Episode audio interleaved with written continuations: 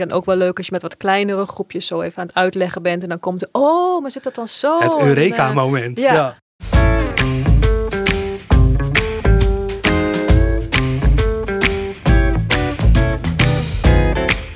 Beste luisteraar, welkom in de Docentenkamer. De podcast waarin we praten over lesgeven en leren aan eh, nou, toch wel misschien de beste universiteit van Nederland, de Universiteit Utrecht. En alles wat daarbij van belang is. Mijn naam is Vincent Kronen en naast mij zit Annette van der Riet. Annette, Hi, wie ben jij? Eh, ik ben eh, onderwijskundige bij het Center for Academic Teaching and Learning.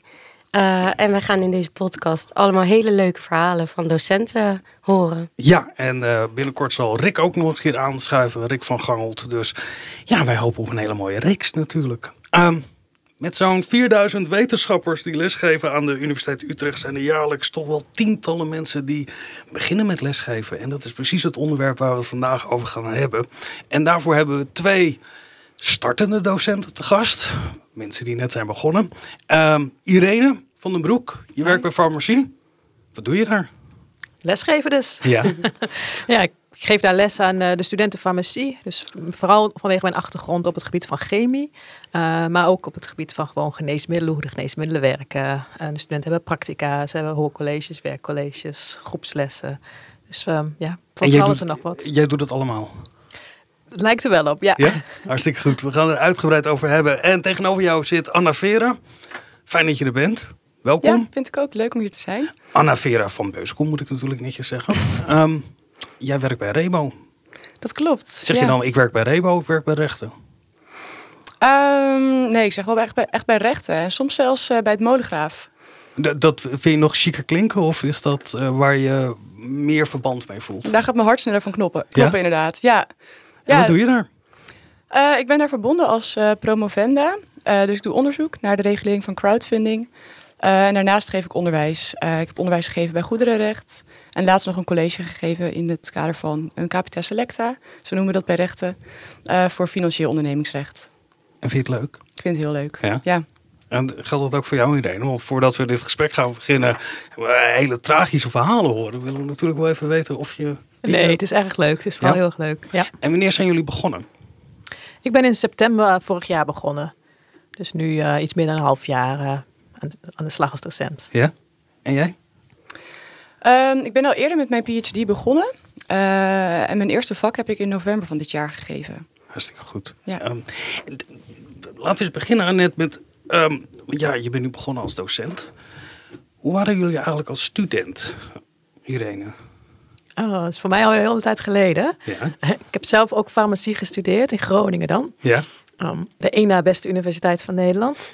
En ja, ik denk, ik was zelf gewoon een hele wel brave, snelle student. Ik eh, weet dat ik heel weinig, misschien weinig studeerde, maar wel altijd aanwezig was en de, de stof altijd heel snel kon opnemen. ja.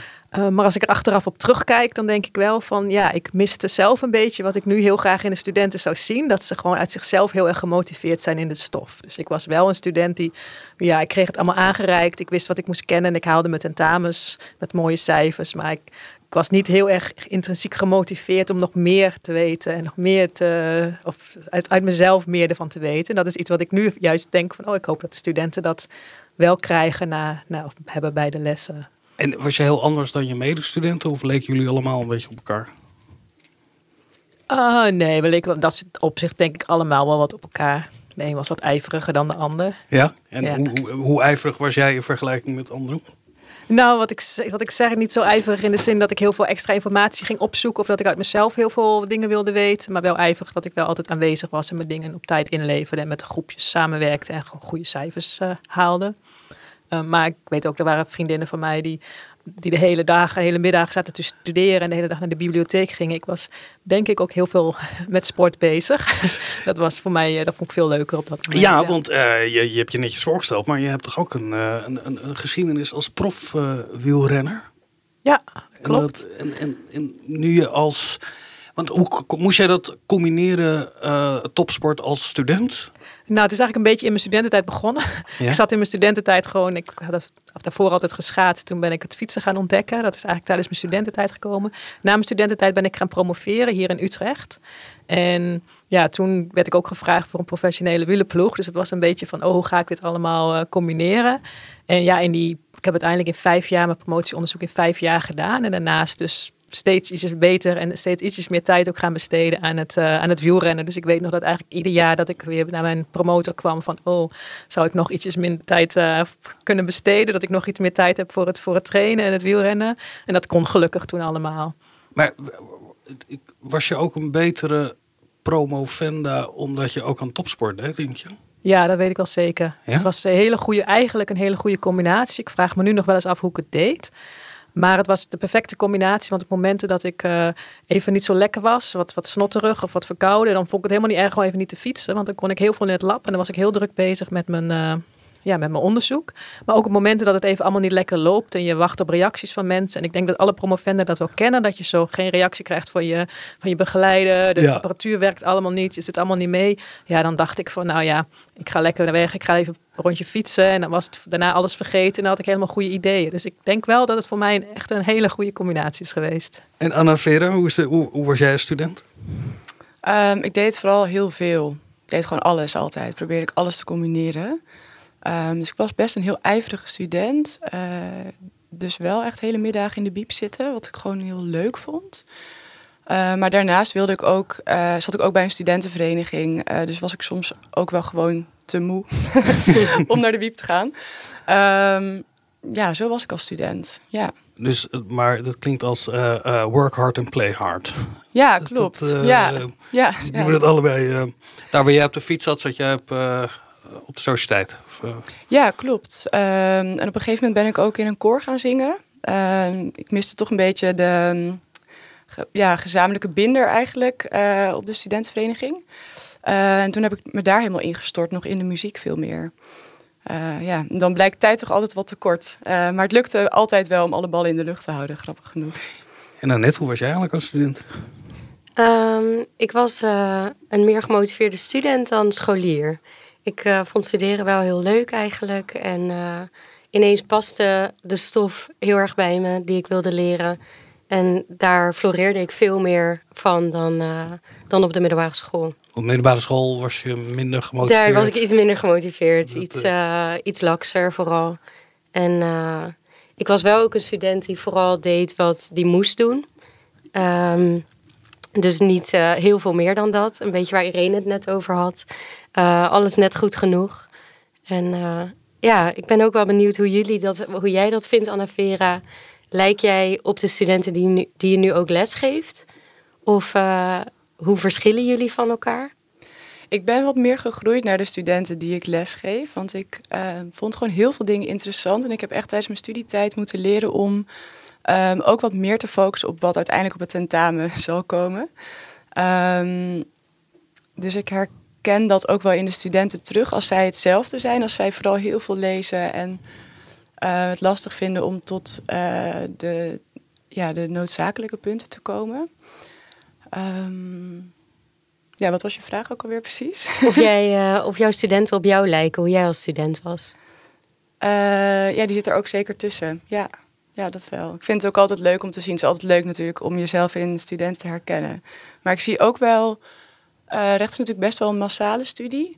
Uh, dus ik vraag me soms ook bij studenten wel af of ze het interessant vinden wat ze leren. En dat vind ik jammer als ze echt van elk vak het niet interessant zouden vinden eigenlijk. Maar jij vond het allemaal interessant? Ja, klopt. Ja. Hoe, hoe ga je er dan mee om dat je studenten hebt die dat niet zo vanzelfsprekend interessant vinden? Um, probeer ze toch te enthousiasmeren voor het vak. Door het wat te verbinden met de actualiteit. En zelf gewoon enthousiast erover te blijven. Uh, want soms is het ook uh, niet eens per se wat je vertelt aan stof wat interessant is voor de studenten, maar gewoon het hele gebeuren eromheen. Het op een universiteit zitten, de uitwisseling van kennis, debatteren. Um, dat probeer ik ook in te zien. En dat zie ik ook naar voren komen in de werkgroep. En dan probeer ik ook daar in discussies uh, aan te wakkeren, zodat ze die vaardigheden ook verbeteren. En Irene, hoe is dat voor jou? Lijkt jij op je studenten die je nu lesgeeft? Of, of leek jij als student op de mensen die je nu in je werkgroep hebt? Uh, nou, je herkent het wel zo hier en daar. Maar ik denk wel wat Anna Vera ook zegt. Um, dat, dat, dat zie ik zelf ook wel. Dat je gewoon de studenten heel graag uh, een beetje enthousiast wil houden. Dus dat je echt zoiets hebt van, nou, ze moeten, ik, als docent is het ook niet leuk om voor de klas te staan met het idee van, ja, wat, wat doen we hier eigenlijk? Dus het wordt leuk als je het leuk kunt brengen en je ziet mensen enthousiast worden en, en meedoen. Dus ik denk wel heel erg bij elke les probeer ik, misschien ook wel omdat ik juist zelf als student soms had van ja, nou ja, ik doe dit maar gewoon omdat het moet. dat ik daarom juist heel erg tegenovergesteld als docent bezig ben van hoe krijg ik de studenten die zo zijn als ik, hoe krijg, of zoals ik was, hoe krijg ik die wel geïnteresseerd? Dus hoe kan ik echt dit to the point houden en goed toepassen en ja, ook op een enthousiaste manier brengen. Dat ze dus zien van hé, hey, we, we doen vandaag wel iets dat ook echt leuk is en waar ik misschien weer over wil gaan uitzoeken.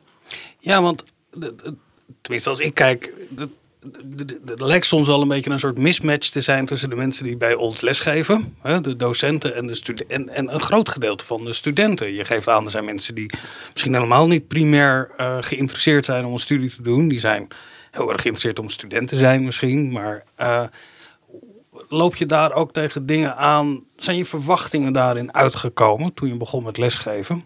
Over hoe je naar studenten kijkt? Ja, om eerlijk te zijn was ik veel, uh, ging ik er juist van uit dat studenten heel weinig gemotiveerd zouden zijn. Uh, zoals ik aangaf is recht natuurlijk gewoon een, een grote massale studie. Um, en was ik positief verrast. Ja? Uh, ja, ja, ik vind dat ze heel leuk, ja, in veel werkgroepen heel leuk meededen. en dat je het echt wel gewoon een hele tijd leuk houdt. Op een gegeven moment kan de sleur er wel inkomen, zeker aan het eind natuurlijk. Een beetje ook afhankelijk van het tijdstip.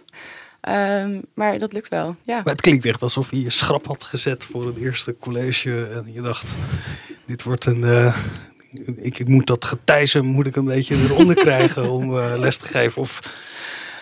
Um, nou, ik wilde er vooral realistisch naar kijken. Omdat ik het, zou, ja, ik zou het raar vinden als ik er zelf heel enthousiast voor zou gaan staan. Terwijl de studenten er eigenlijk totaal niet op zouden zitten te wachten. Dus ik probeerde gewoon ja, realistische verwachting te hebben, zodat de werkgroep zo goed mogelijk bij de studenten zou aansluiten. Uh, want ik vond het zelf soms ook wel vermoeiend, weet ik nog wel als docent, als student. Um, als het gewoon heel vroeg s ochtends was, negen uur of zo, en een docent echt totaal niet uh, leek in te zien dat de dag ervoor gala was geweest. Dus dan dacht ik, ja, ik wil echt wel veel doen, maar niet dit, uh, ja, neppe enthousiasme, zeg maar. Dat, dat ja. Ja, maar dit is wel. Heb je, je, je bent een, uh, je bent jong. Ehm, heb je het ook idee dat je ook dat beter kan lezen bij studenten? Dat je dichter bij ze staat? Um, ja, het is niet zo lang geleden voor mij inderdaad. Nee. Uh, dus, dus dat zal zeker helpen. Dat denk ik wel. Ja. ja. je kan de katers van de gala nog wel herinneren en waarmee je ooit in een collegezaal zat. Ja, ja. ja, ja, zeker wel. Ja. Hoe is dat voor jou, Irene? Als je ernaar kijkt over met welke verwachtingen je begon en hoe de studenten zijn? Ja, ik herkende wel een beetje in dat het me eigenlijk ook heel erg positief verraste hoe ontzettend gemotiveerd studenten ook wel zijn. Ook omdat ik zelf zei dat ik dat zelf niet zo had, dan zie ik dat bij studenten dat ze heel veel hebben uitgepluist en heel veel hebben gelezen. Um, ik had een vak waarbij ze echt heel veel moesten voorbereiden, moesten doorlezen. Ik moest het zelf ook allemaal weer gaan doorlezen. Ik vond het een, best een kluif.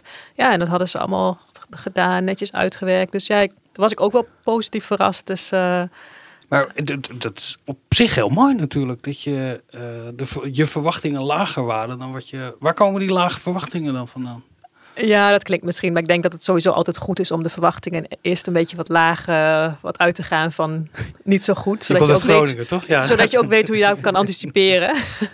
um, dat is beter dan dat je een heel verhaal klaar hebt en oh, we gaan dit allemaal doen en we gaan helemaal zus en zo en dan heeft niemand zich voorbereid. Het is moeilijker om dan daarop te anticiperen en ook niet om je teleurstellingen niet helemaal uh, ja, uit de doeken te doen.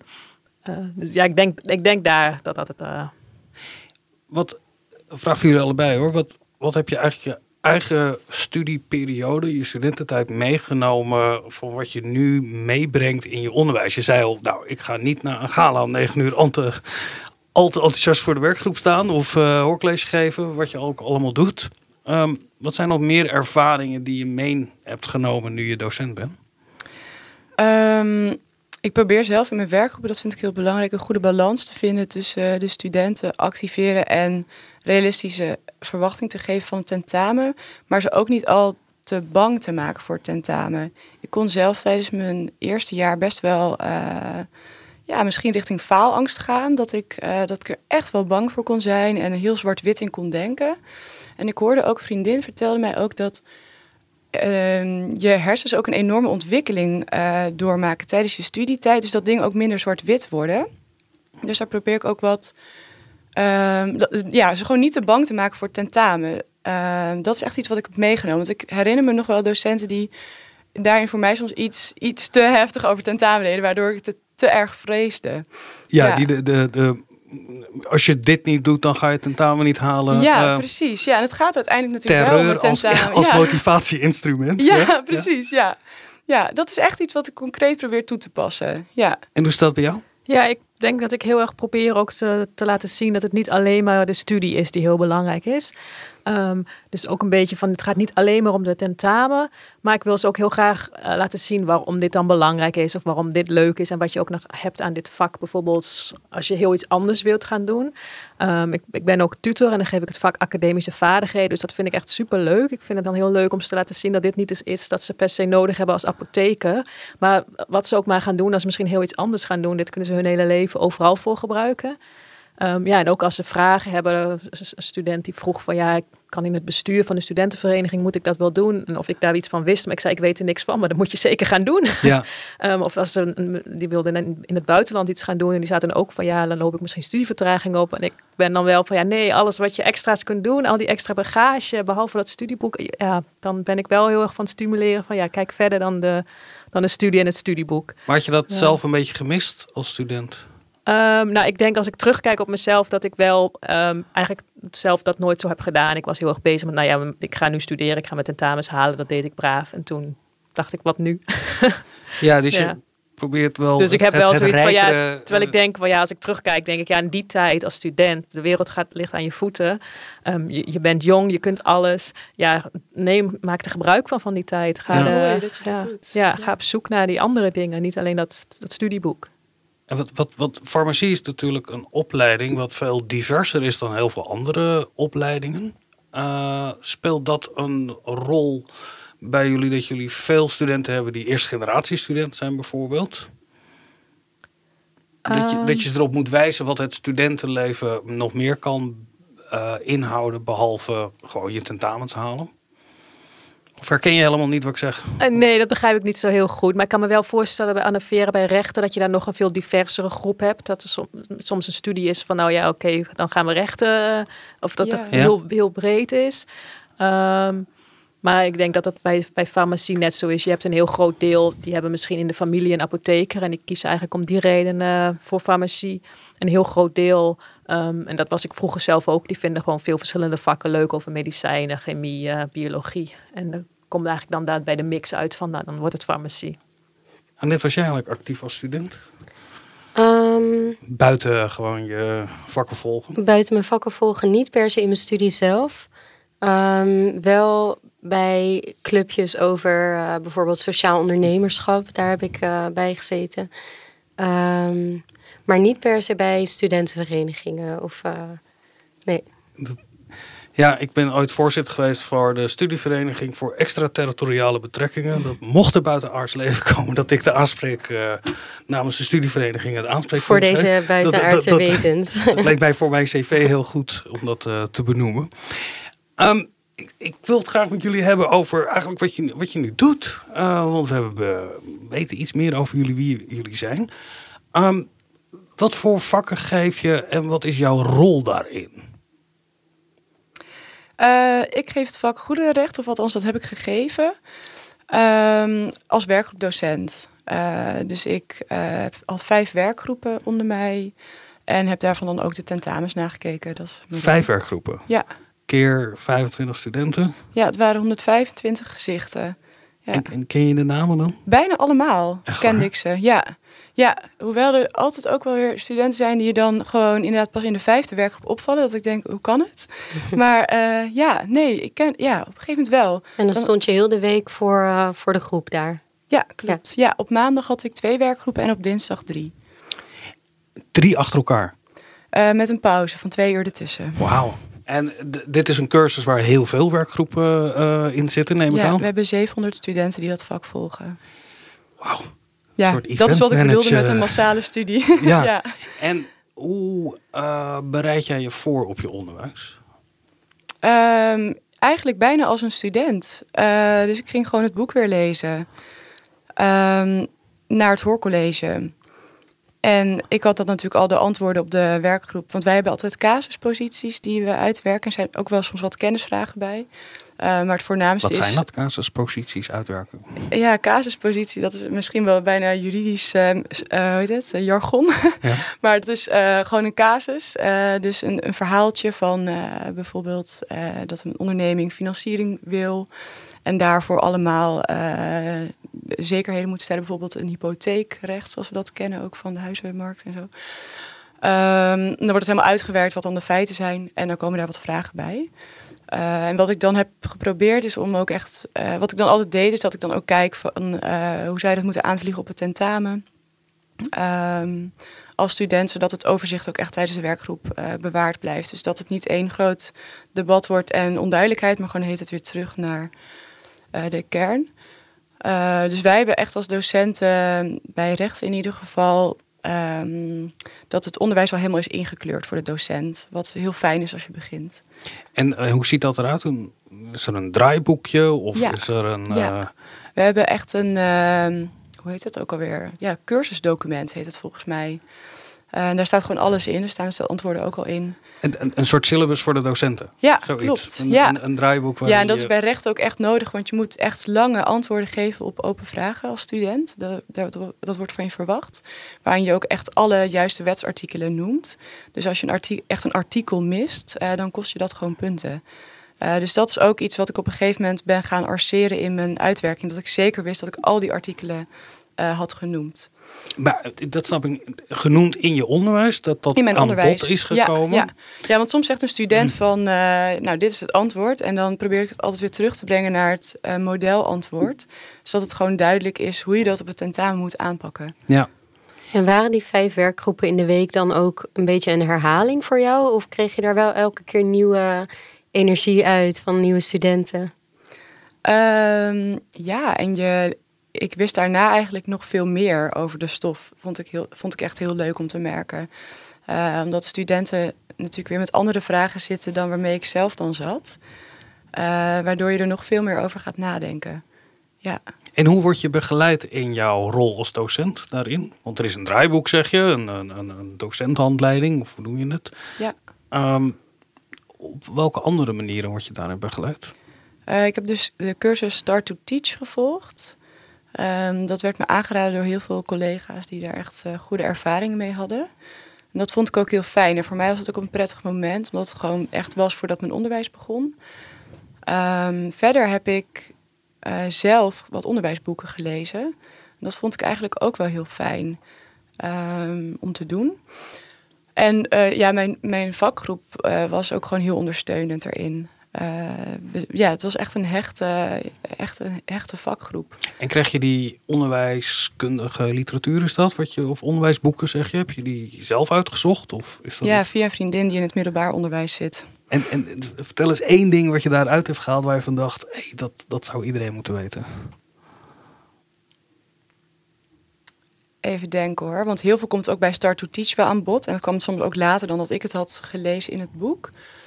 Ehm, maar wat ik zelf echt zou willen benadrukken is eh, werkvormen gebruiken.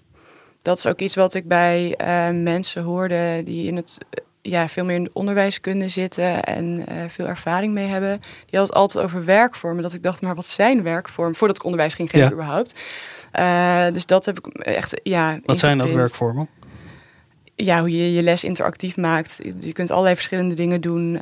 Wij kregen bij Start to Teach meteen al eh, Think, Pair, Share. En die heb ik ook gewoon meteen in de eerste werkgroep ingegooid. En het werkte heel goed. Eh, Kun je uitleggen wat het is? ja, dat je eh, een makkelijke opdracht bedenkt. Of nou ja, wat ik zelf eigenlijk heb gedaan was niet eens heel makkelijk. Dat ze dan gewoon het antwoord moesten geven op de werkgroepvraag. En dan liet ik ze eerst nog even hun eigen antwoord herlezen. Want vaak, dat vond ik zelf als student ook wel. Dan zat ik in de werkgroep en dan dacht ik, oh ja, dat had ik ook alweer opgeschreven. Eh, dus daar gaf ik ze dan een minuutje de tijd voor. En had ik groepjes gemaakt. Ehm, om het dan even te overleggen. Zodat ze ook wat minder voelen van oké, nu wordt mijn hele antwoord uh, echt mogelijk afgebrand. Wat natuurlijk helemaal niet ging gebeuren. Maar uh, om die drempel een beetje weg te nemen. En dan moesten ze zelf iemand aanwijzen die het dan dus voor de groep zou gaan presenteren. Dat is dan het share onderdeel. Irene, hoe is dat voor jou? Wat, hoe ziet jouw hoe ziet jouw week eruit? Wat doe je eigenlijk? Wat doe ik eigenlijk? Nou, ik heb een aanstelling voor 60%. En die 60% besteed ik dan volledig aan het onderwijs. Ja. En zo ben ik in september mee begonnen. In september ben ik een vak gaan geven. Dat heet Chemie van Geneesmiddelen voor eerstejaars. Dus hartstikke leuk. Ze komen net van het uh, middelbaar onderwijs. En ze krijgen gelijk al hun scheikunde uh, nou ja, in, in tien weken tijd. En nog wat extra erbij. Um, dus ja, daar heb ik dan werkgroepen ook begeleid. Dus uh, ja, als ze voornamelijk moeten ze opgaves maken. En dan voornamelijk moeten ze dat ook zelf, zelf doen. Maar dan ben je als docent daarbij. Er zijn groepjes van, nou het waren 25 studenten. hoe maak je opgaves? Ik, wat, wat, wat is een opgave in een chemie van de geneeskunde? Ja, uh, uh, nou, het kan van alles zijn. Het ging bijvoorbeeld weer over structuurformules. Dus ze zien een structuurformule en ze moeten benoemen wat die, hoe die groepen heten. Ja, kijk me aan alsof ik weet wat een structuurformule is. ja, daar ga ik wel van uit. Nee, geen flow idee. Het is lang geleden.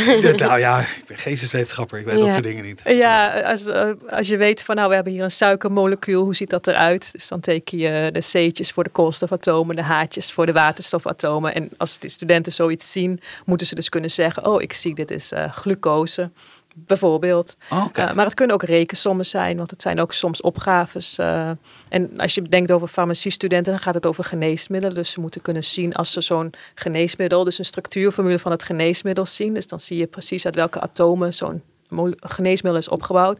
Dat ze dan kunnen zien van oké, ik weet dat um, in, het, in het lichaam, in het de dus de zuurgraad van de maag, waar het heel zuur is, uh, weet ik dat dit molecuul een lading gaat hebben. Want dat moeten ze dan kunnen, ja, kunnen beredeneren. En dat ze dus weten van oké, en dat is nodig, want dan wordt het goed opgelost of iets dergelijks. Dus dat, voor, in die zin is dat voor de farmaciestudent heel belangrijk. Dus dat ze naar zo'n structuurformule kunnen kijken, daar dan dingen over kunnen zeggen. Dus dat ze weten ja, wat voor eigenschappen die stof uh, zal hebben. En dus ook wat voor soort werkingen en bijwerkingen dat kan geven in het lichaam. En wat is jouw verantwoordelijkheid in de. Uh, bereid je dit helemaal zelf voor? Of doe je dat net zo als we net hoorden van Anne Veren? Uh, met, is er een draaiboek? Of hoe ja, nou, gelukkig is het ook wel helemaal opgezet. Want zeker als je net begint, dan, ja, dan kan je niet al zelf al die opgaves bedenken. Dus dat was al helemaal. Dit, het vak dat bestaat al een tijd. Het is goed opgezet. En ik had ook een docenthandleiding waar dan de antwoorden voor de opgaves in stonden. Dus mijn voorbereiding was eigenlijk een beetje vergelijkbaar. Toch weer eventjes in de stof duiken. Soms keek ik even snel door, de, door het hoorcollege heen. Want dan wist ik wel goed ook wat, uh, wat de docent uh, had uitgelegd. Dus hoe de hoe, en ook hoe die het had uitgelegd. Dus hoe de studenten het hebben gehoord. Of dat uh, kon ik daar of juist op terugkomen. Of juist even op een andere manier uit kon leggen. Um, en dan ja, ik vond het wel op zich wel lastig, omdat mijn eerste, ja, je begon net als docent, dus je valt er wel zo in. Uh, en ik was zelf gewend vanuit mijn studententijd dat we echt heel erg veel zelfstandig uh, die opgaves moesten doen. Wij hadden dan geen werkcollege voor, wij deden dat thuis. En dan kreeg je eigenlijk de, eind, de opgaves gewoon om zelf maar na te kijken. Dus ik was in het begin best wel van, oké, okay, laten ze maar zelf even eraan werken en dan zie ik het wel als ze vragen hebben. Um, ja, ik denk wel dat ik dat nu, als ik terugkijk, wat anders zou doen. Dat ik toch wat meer omdat ze er toch zijn en de groep, ik denk ook dat ze daar behoefte aan hebben, de groep bij elkaar pakken en dan een opgave nog even samen doorlopen. Dat ze iedereen weet, dat je ook, en ook van iedereen weet, dat ze in elk geval hebben, ja, weten hoe ze zo'n opgave kunnen aanpakken. En, uh, maar jij deed het zelf? Toen ja. jij studeerde? Ja. Wat, zijn die studenten anders of uh, was jij anders? Waarom moeten studenten nu meer begeleiding krijgen terwijl jij dat eerst zelfstandig kon doen? Nee, ik denk niet per se meer begeleiding. Dus ik denk wel zelfstandig. Maar ik denk wel dat ik wel een heel erg zelfstandig uh, iemand was die dat gewoon graag zelf zo oploste. Dus dat is dan misschien ook even de switch die ik moet maken van, oh ja, ik kan hier wat extra aanreiken. Um, en het is een combinatie natuurlijk. Je wil ze het, het liefst zelfstandig laten doen. Want als ze wennen van ja, ik kan alles vragen, dat is niet de bedoeling. Uh, maar als ik ze zo alleen maar allemaal bezig laat, dan zijn het degenen die de vragen hebben, die met de vragen komen. En dan zijn er natuurlijk ook studenten bij die niet niet, niet vragen of niet durven vragen. Of die komen misschien net niet aan bod, omdat je daar niet bij langskomt. En dan denk ik wel dat het goed is om de vragen dus gezamenlijk te bespreken, zodat iedereen ook die uitleg meekrijgt. En dit horen net over werkvormen. En ja, dat is toch wel een, een, een terugkerend thema over het, het, je ontwikkelen als docent, maar ook uh, al die studenten die moeten opeens allemaal actief gaan zijn. Het staat zelfs in ons uh, onderwijsmodel van de universiteit. Waarom is dat eigenlijk belangrijk? Um, interactie is heel belangrijk om, uh, om de stof beter te begrijpen, om verschillende perspectieven te zien.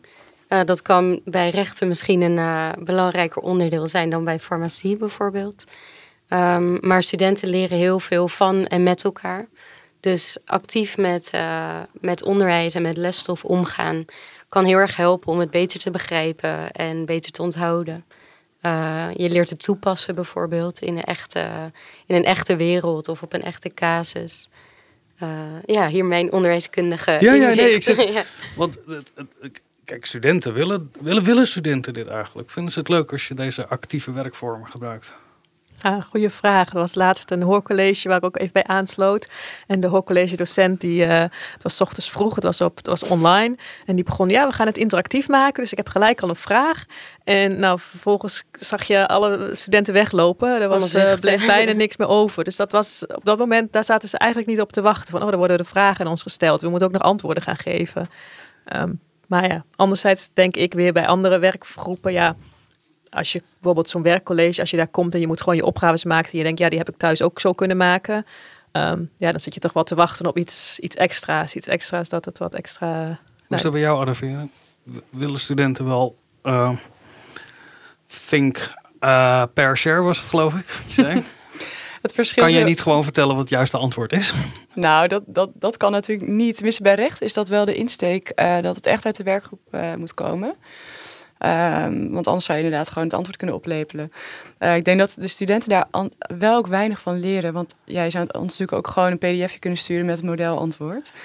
Um, ja, dus ik, nee, ik denk dat die werkvormen wel echt heel goed zijn. En dat misschien alleen die casusposities um, niet altijd interactief genoeg zijn, omdat er best wel lange colleges zijn. Uh, heb ik echt het gevoel dat die werkvormen daarbij wel helpen. Uh, zeker ook als het, uh, ik gaf vak dat veel studenten heel, als heel lastig ervaren, goederenrecht. Um, en dan kan het wel helpen met zo'n werkvorm om gewoon eventjes aan het begin al wat dingen goed te zetten. Um, dus gewoon even de verhoudingen van welke partijen hebben we hier nou, hoe noemen we ze, en als je daar zelf mee aan de slag laat, dat hoeft ook helemaal niet heel lang te duren, dat interactieve. Dan heb je ze gewoon meteen al mee. Um, ik, heb, ja, ik heb zelf echt gemerkt dat dat, dat, dat werkte. Want je hebt er ook weinig aan als het gewoon de hele tijd een beetje zo'n afwachtende sfeer is in een werkgroep. Dat wilde ik echt voorkomen. Dus ik, ik merkte dat het heel goed werkte, maar het verschilde wel heel erg per groep. En ook uh, per hoe vaak ik zelf al de werkvorm had gedaan, of hoeveel, ja, hoe mijn dag die dag was of zo. Uh, sloeg het wel bij de ene groep echt uh, beter aan dan bij de andere. En ik heb één keer iets te veel, dat is misschien wel grappig om te vertellen. Toen uh, dacht ik, nou, we gaan het inderdaad heel interactief doen. En toen zei een student van, nou, we worden wel aan het werk gezet. Toen dacht ik, oké, dit was misschien iets te veel. ja, ja. Maar nee, ik weet ik, het niet. Ik, ik vraag het omdat het kost heel veel tijd en energie om goed studentactiverend onderwijs te verzinnen. En studenten zitten er eigenlijk vaak, hebben ze een houding, nou kan je niet gewoon vertellen wat er is. En het studiesucces wordt er ook niet heel veel hoger van. Dus waarom zouden we dat dan eigenlijk doen? Het wordt alleen maar moeilijker als het op die manier doen. Ik geloof daar niet in. Nee? Ik geloof niet dat uh, studenten onderwijs leuker vinden als ze gewoon alleen maar zitten en luisteren. Wel makkelijker, maar um, uit mijn ervaring, wat ik heb gezien, uh, zie je toch ook wel dat studenten kunnen verrassen, wat we ook net veel horen. En dat uh, die activering toch ook studeren wel heel veel leuker maakt dan alleen maar zitten en luisteren. Ik denk zelf ook, als ik daarop mag aanvullen, dat het ook helpt bij het ontwikkelen van andere vaardigheden. Zoals ik ook al zei, als je uh, even voor de klas moet, kun je ook daarmee al op een heel laagdrempelige manier als student wat presentatievaardigheden leren. En dat kun je dan ook al in het normale ja, onderwijs gooien, zonder dat je dus per se een presentatiecursus hebt of een presentatie als toetsvorm. Uh, ik denk dat dat ook echt wel een voordeel kan zijn ervan. Ja, en je omschreef het al natuurlijk als onderwijskundige. het levert ook echt wat op op de lange termijn. Of en, en ik denk dat het voor de docent zelf ook veel meer energie geeft. Het geeft mij veel meer energie als je direct feedback krijgt. Als je als studenten enthousiast meedoen. En door die energie die je als docent dan weer krijgt, kun je vervolgens ook weer eh, ja, nog weer wat meer energie in de les stoppen. Dus alleen maar saai iets oplepelen, omdat je weet van de studenten zitten verder ergens op te wachten. Ja, dat geeft denk ik niemand een, uh, ja. een blij gevoel. Nee. Nee. Nou, ja. Ik, ik, ken ook wel mensen die het heerlijk vinden om twee uur lang hun kennis over de jonge uh, geesten uit te storten. En daar een soort meestal ja, one-man show van ik, ik heb zelf ook heel graag wil heel veel vertellen. Maar als je dan allemaal gezichtjes zo zit kijken, zo, of daar zo'n beetje bij zit te hangen, ja. dan ga je op een gegeven moment ook wel dat verhaal. Nou, nou, nou oké. Maar Irene, voor, voor wat voor soort student ben jij een hele goede docent? Oeh. Um, jeetje, wat een vraag. Nou, ik denk eigenlijk gewoon de student die, uh, die het wel gewoon echt leuk vindt om er wat mee te doen.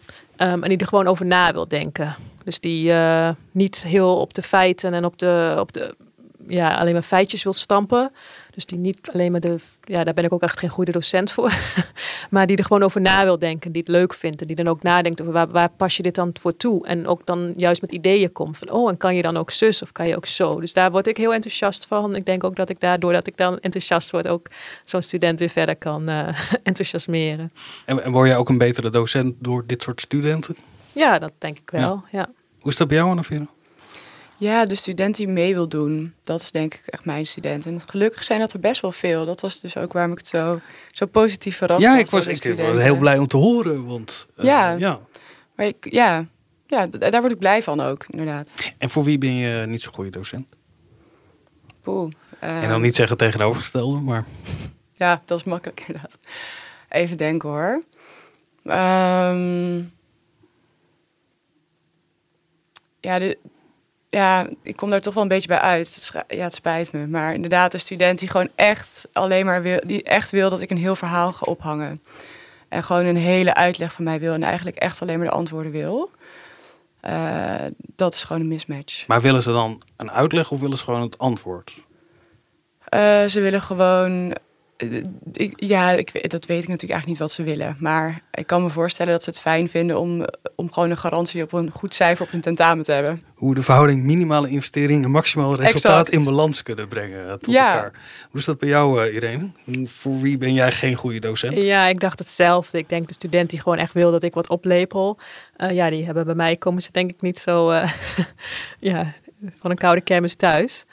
Um, dus ja, als ze dat verwachten, dan denk ik niet dat ze heel veel aan mij, aan mij hebben. Want ik ga er wel vanuit dat ze eerst zelf nadenken en eerst zelf iets verzinnen en eerst zelf iets met vragen komen. Uh, ja, en hoe de... ziet dat eruit bij jou als, als je van de koude kermis thuis komt?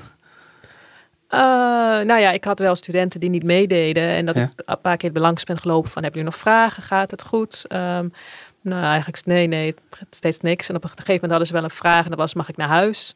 Dus ja, van mij mogen ze naar huis. Dus ja, dan ga je van een koude kermis thuis. Dan heb je wel op je les geweest. Dus je hebt je presentielijstjes aangevinkt. Maar ik denk niet dat ze er iets van hebben opgestoken. Um, ja, het heeft mij ook geen energie gekost. Dus ik vond het uh, ja, prima, maar wel jammer natuurlijk. Ja. Uh, Anne Veren, er is vast een college geweest. En als je daarover nadenkt, komt er vast wel iets in je op. Dat je naar huis ging en dat je dacht, ik, ja, dit was een topdag echt heel fijn. Uh, dit was, uh, ik heb drie werkgroepen gedraaid. Het was uh, donderdagmiddag loop je naar huis. En toen dacht je, hier ben ik echt heel blij mee. Wat was dat? Ja, dat was de werkgroep waarbij het heel leuk ging. ik had daar een soort van um, rollenspel gemaakt. dat was zo'n week die voor studenten heel abstract kan zijn. En ik had de groep gesplitst in drieën. Uh, en er ontstonden gewoon echt nog veel meer vragen en dingen tijdens die werkgroep dan ik zelf ooit had bedacht. Uh, en dat werkte gewoon heel leuk automatisch. En daar werd ik echt heel blij van. En bij jou, Irene? Ja, leuk. Ja, ik denk ook de, de momenten dat je gewoon veel vragen krijgt. En ook de momenten waarop je echt het idee had dat, dat, dat het kwartje land of zo. Doordat jij je echt iets hebt bijgedragen. Dus dat ze echt uh, leuke gesprekken hebt gehad. Of leuk, ja, leuk hebt kunnen helpen om de, de opgaves of om het probleem te begrijpen. Ja, dat geeft wel extra energie. En is er een student die nu bij jou in gedachten opkomt dat je denkt, oh, dat was die student? Nee, niet best, nee, ik heb niet echt iets in gedachten, maar wel dat je met groepjes, uh, dat vind ik dan ook wel leuk als je met wat kleinere groepjes zo even aan het uitleggen bent en dan komt er, oh, maar zit dat dan zo? Het Eureka-moment. Ja, ja, ja. Ja, mooi. En, en Annette, hoe, uh, hoe, hoe, kijk jij daarnaar over hoe, waar docenten eigenlijk hun plezier uithalen? Nou, ik vind het wel interessant om hier aan tafel te horen dat jullie heel erg je plezier halen uit de interactie met studenten en uit uh, actief zijn met elkaar. En ik weet niet of dat voor alle docenten geldt, maar um, ik vind dat wel leuk om te horen. En ik ben ook wel benieuwd of jullie vinden dat dat een goede docent maakt. Uh, dat je dus veel in interactie bent met je studenten en uh, dat je veel vragen krijgt. Als je dat hebt met je studenten, ben je dan een goede docent? Uh, nou, dat is wat ik probeer. Dus dan denk ik dat dat wel mijn beeld is van een goede docent. Dus ik vind het wel wat moeilijk te, moeilijk te, te, peilen. Want ik kan me ook voorstellen dat je een hele goede docent bent die dan die twee uur lang dat hoorcollege kan geven. Um, een hele verhandeling kan geven. Ja, dat kan ook een hele goede docent zijn.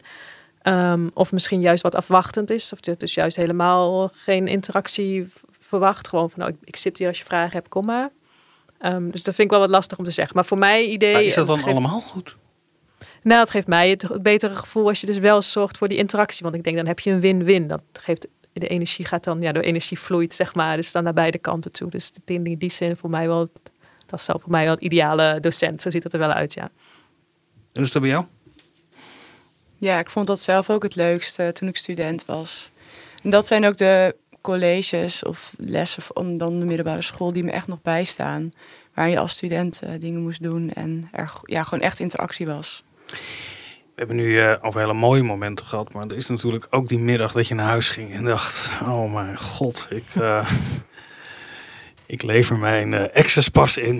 Ik kom hier nooit meer terug. Um, kan je dat nog herinneren, dat moment? Zeker wel. Ja? ja. En vertel eens, wat, ging er, uh, wat gebeurde er? Nou, datgene wat ik gewoon altijd wil voorkomen, een oerzaaie werkgroep. Dus dat gewoon de hele, dat de futter gewoon uit is. Dat en, de groep niet wil. En hoe ziet dat eruit voor mensen die geen onderwijs geven? Ja, gewoon wat ik zelf als student altijd vervelend vond, was de docent die, uh, die gewoon hele lange stiltes liet vallen. Dat heb ik op een gegeven moment dan wel eens toe moeten passen. En uiteindelijk komt het dan wel weer goed. En het is bij die groep ook echt wel gedraaid, gelukkig, daarna. En dus waarom, waarom laat je zo'n lange stilte vallen dan? Wat is, wat is dan je doel daarmee? Nou, um, ik had al een paar keer uh, gevraagd. Uh, ik was begonnen met een wat, wat grotere vraag, die wat lastiger was. Die had ik al in stukjes opgeknipt gaandeweg. En heel erg makkelijk gemaakt. Maar de studenten wilden gewoon eigenlijk echt niet meedoen. Of waren moe, geen idee wat er was. Gala. Misschien een gala, inderdaad. En wilden het vooral van mij uh, krijgen, denk ik, het antwoord. Um, en dat, dat heb je natuurlijk gewoon soms in een groep, dat dan ook niemand nog denkt van nou, ik uh, los het wel op. Want diegene had het ook al vijf keer opgelost. Uh, ja. En wat heb je uiteindelijk gedaan? Behalve die nou, hele heb... lange pijnlijke stilte. Ja, ik heb toen gezegd, ja, als het, als het uh, niet komt, het antwoord, dan, ja, dan niet. Dan gaan we door naar de volgende casus. En toen kwamen ze er wel tijdens die volgende casus op terug. Dus het, het werkte wel. Uh, maar ja, dat is natuurlijk niet. Dat heb ik gelukkig uh, alleen ja, niet zo heel vaak gehad. Daar ben ik blij mee. Irene? Ja, ik zit te denken. Was het een vrijdag uh, of een dinsdag, die rotdag? Sorry, of een? Op welke dag viel het? Op een maandag. Op een maandag, ik. ja. Vertel eens, wat ik gebeurde weet niet of dat, er? dat uitmaakt. Nee, ik geef een vak dat niet elke week gegeven wordt. En ook niet dat ze dan de, direct een tentamen over hebben. Dus bij dat vak zijn de studenten soms niet goed voorbereid. Dus ik kan me één dag herinneren dat echt niemand iets had, uh, had voorbereid. Dus ze moesten best wel wat, wat dingetjes doen, ook wat software installeren. En dat was dus allemaal niet gedaan. Daar had ik me ook helemaal niet op voorbereid. Want ik zei wel, ik ga uit van de worst case. Maar dit worst case had ik nog niet uh, voorzien. Dus ja, het werd gewoon een heel rommeltje. Want dan moesten ze tijdens de les dat nog wat installeren. En dan ging iedereen met elkaar zitten. Want het lukt natuurlijk allemaal niet. En dan liepen wat studenten weer weg. Die gingen wat drinken halen. En ik dacht, ik heb hier totaal de controle verloren. Ik weet niet meer wat hier gebeurt. Uh, ja, dat was een, een, een rommeltje. En nam je jezelf dat kwalijk? Of, of denk je, nou ja, iedereen heeft wel eens een uh, dingen kunnen fout lopen? Nou, ik, ik, kijk altijd wel naar mezelf. Dus ik ben altijd wel perfectionistisch. Dus je hebt wel zoiets van, hé, hey, dat had ik anders moeten doen. Dat had ik beter moeten doen. Um, maar goed, ik heb ook mijn collega's gevraagd. Bij hun was het soms ook het, zo het geval dat het zo, zo wat ging. En nog wat, wat tips gekregen. Dus het is ook gewoon, uh, en dat weet ik nu iets beter, van ja, soms is het misschien uh, deze groep ook wat, uh, wat, wat minder voorbereid. Um, en laat het dan maar een rommeltje zijn, want het is ook het is uiteindelijk eigenlijk het probleem ook van de studenten natuurlijk. Um, maar ja, als docent heb je een heel leuk, leuk verhaal voorbereid en allemaal dingen die je hun wil gaan leren. En daar baalde ik denk dat dat vooral het vervelende gevoel bij mij was, dat ik niet toe ben gekomen aan het vertellen van al die die ik zo belangrijk dingen die ik allemaal zo leuk en belangrijk vind. Dus daar ben ik niet aan toegekomen. Dus dat vond ik heel, ja, dat vond ik dan jammer. Eh, maar uiteindelijk is het eigenlijk het probleem van de student dat zij dus dit niet, die, ja, die weten- wetenschap niet hebben meegekregen. Ja, dit, Ja. dit- jullie hebben hier later meer last van dan ik. Dat eh, is toch een eh, opvoedkundige...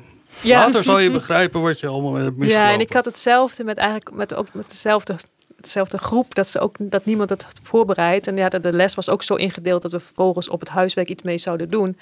Ehm, dus toen moest ik ze weg. Ja, heb ik ze eigenlijk, omdat niemand dat had gedaan, weggestuurd. Ja, wegsturen klinkt zo zwaar.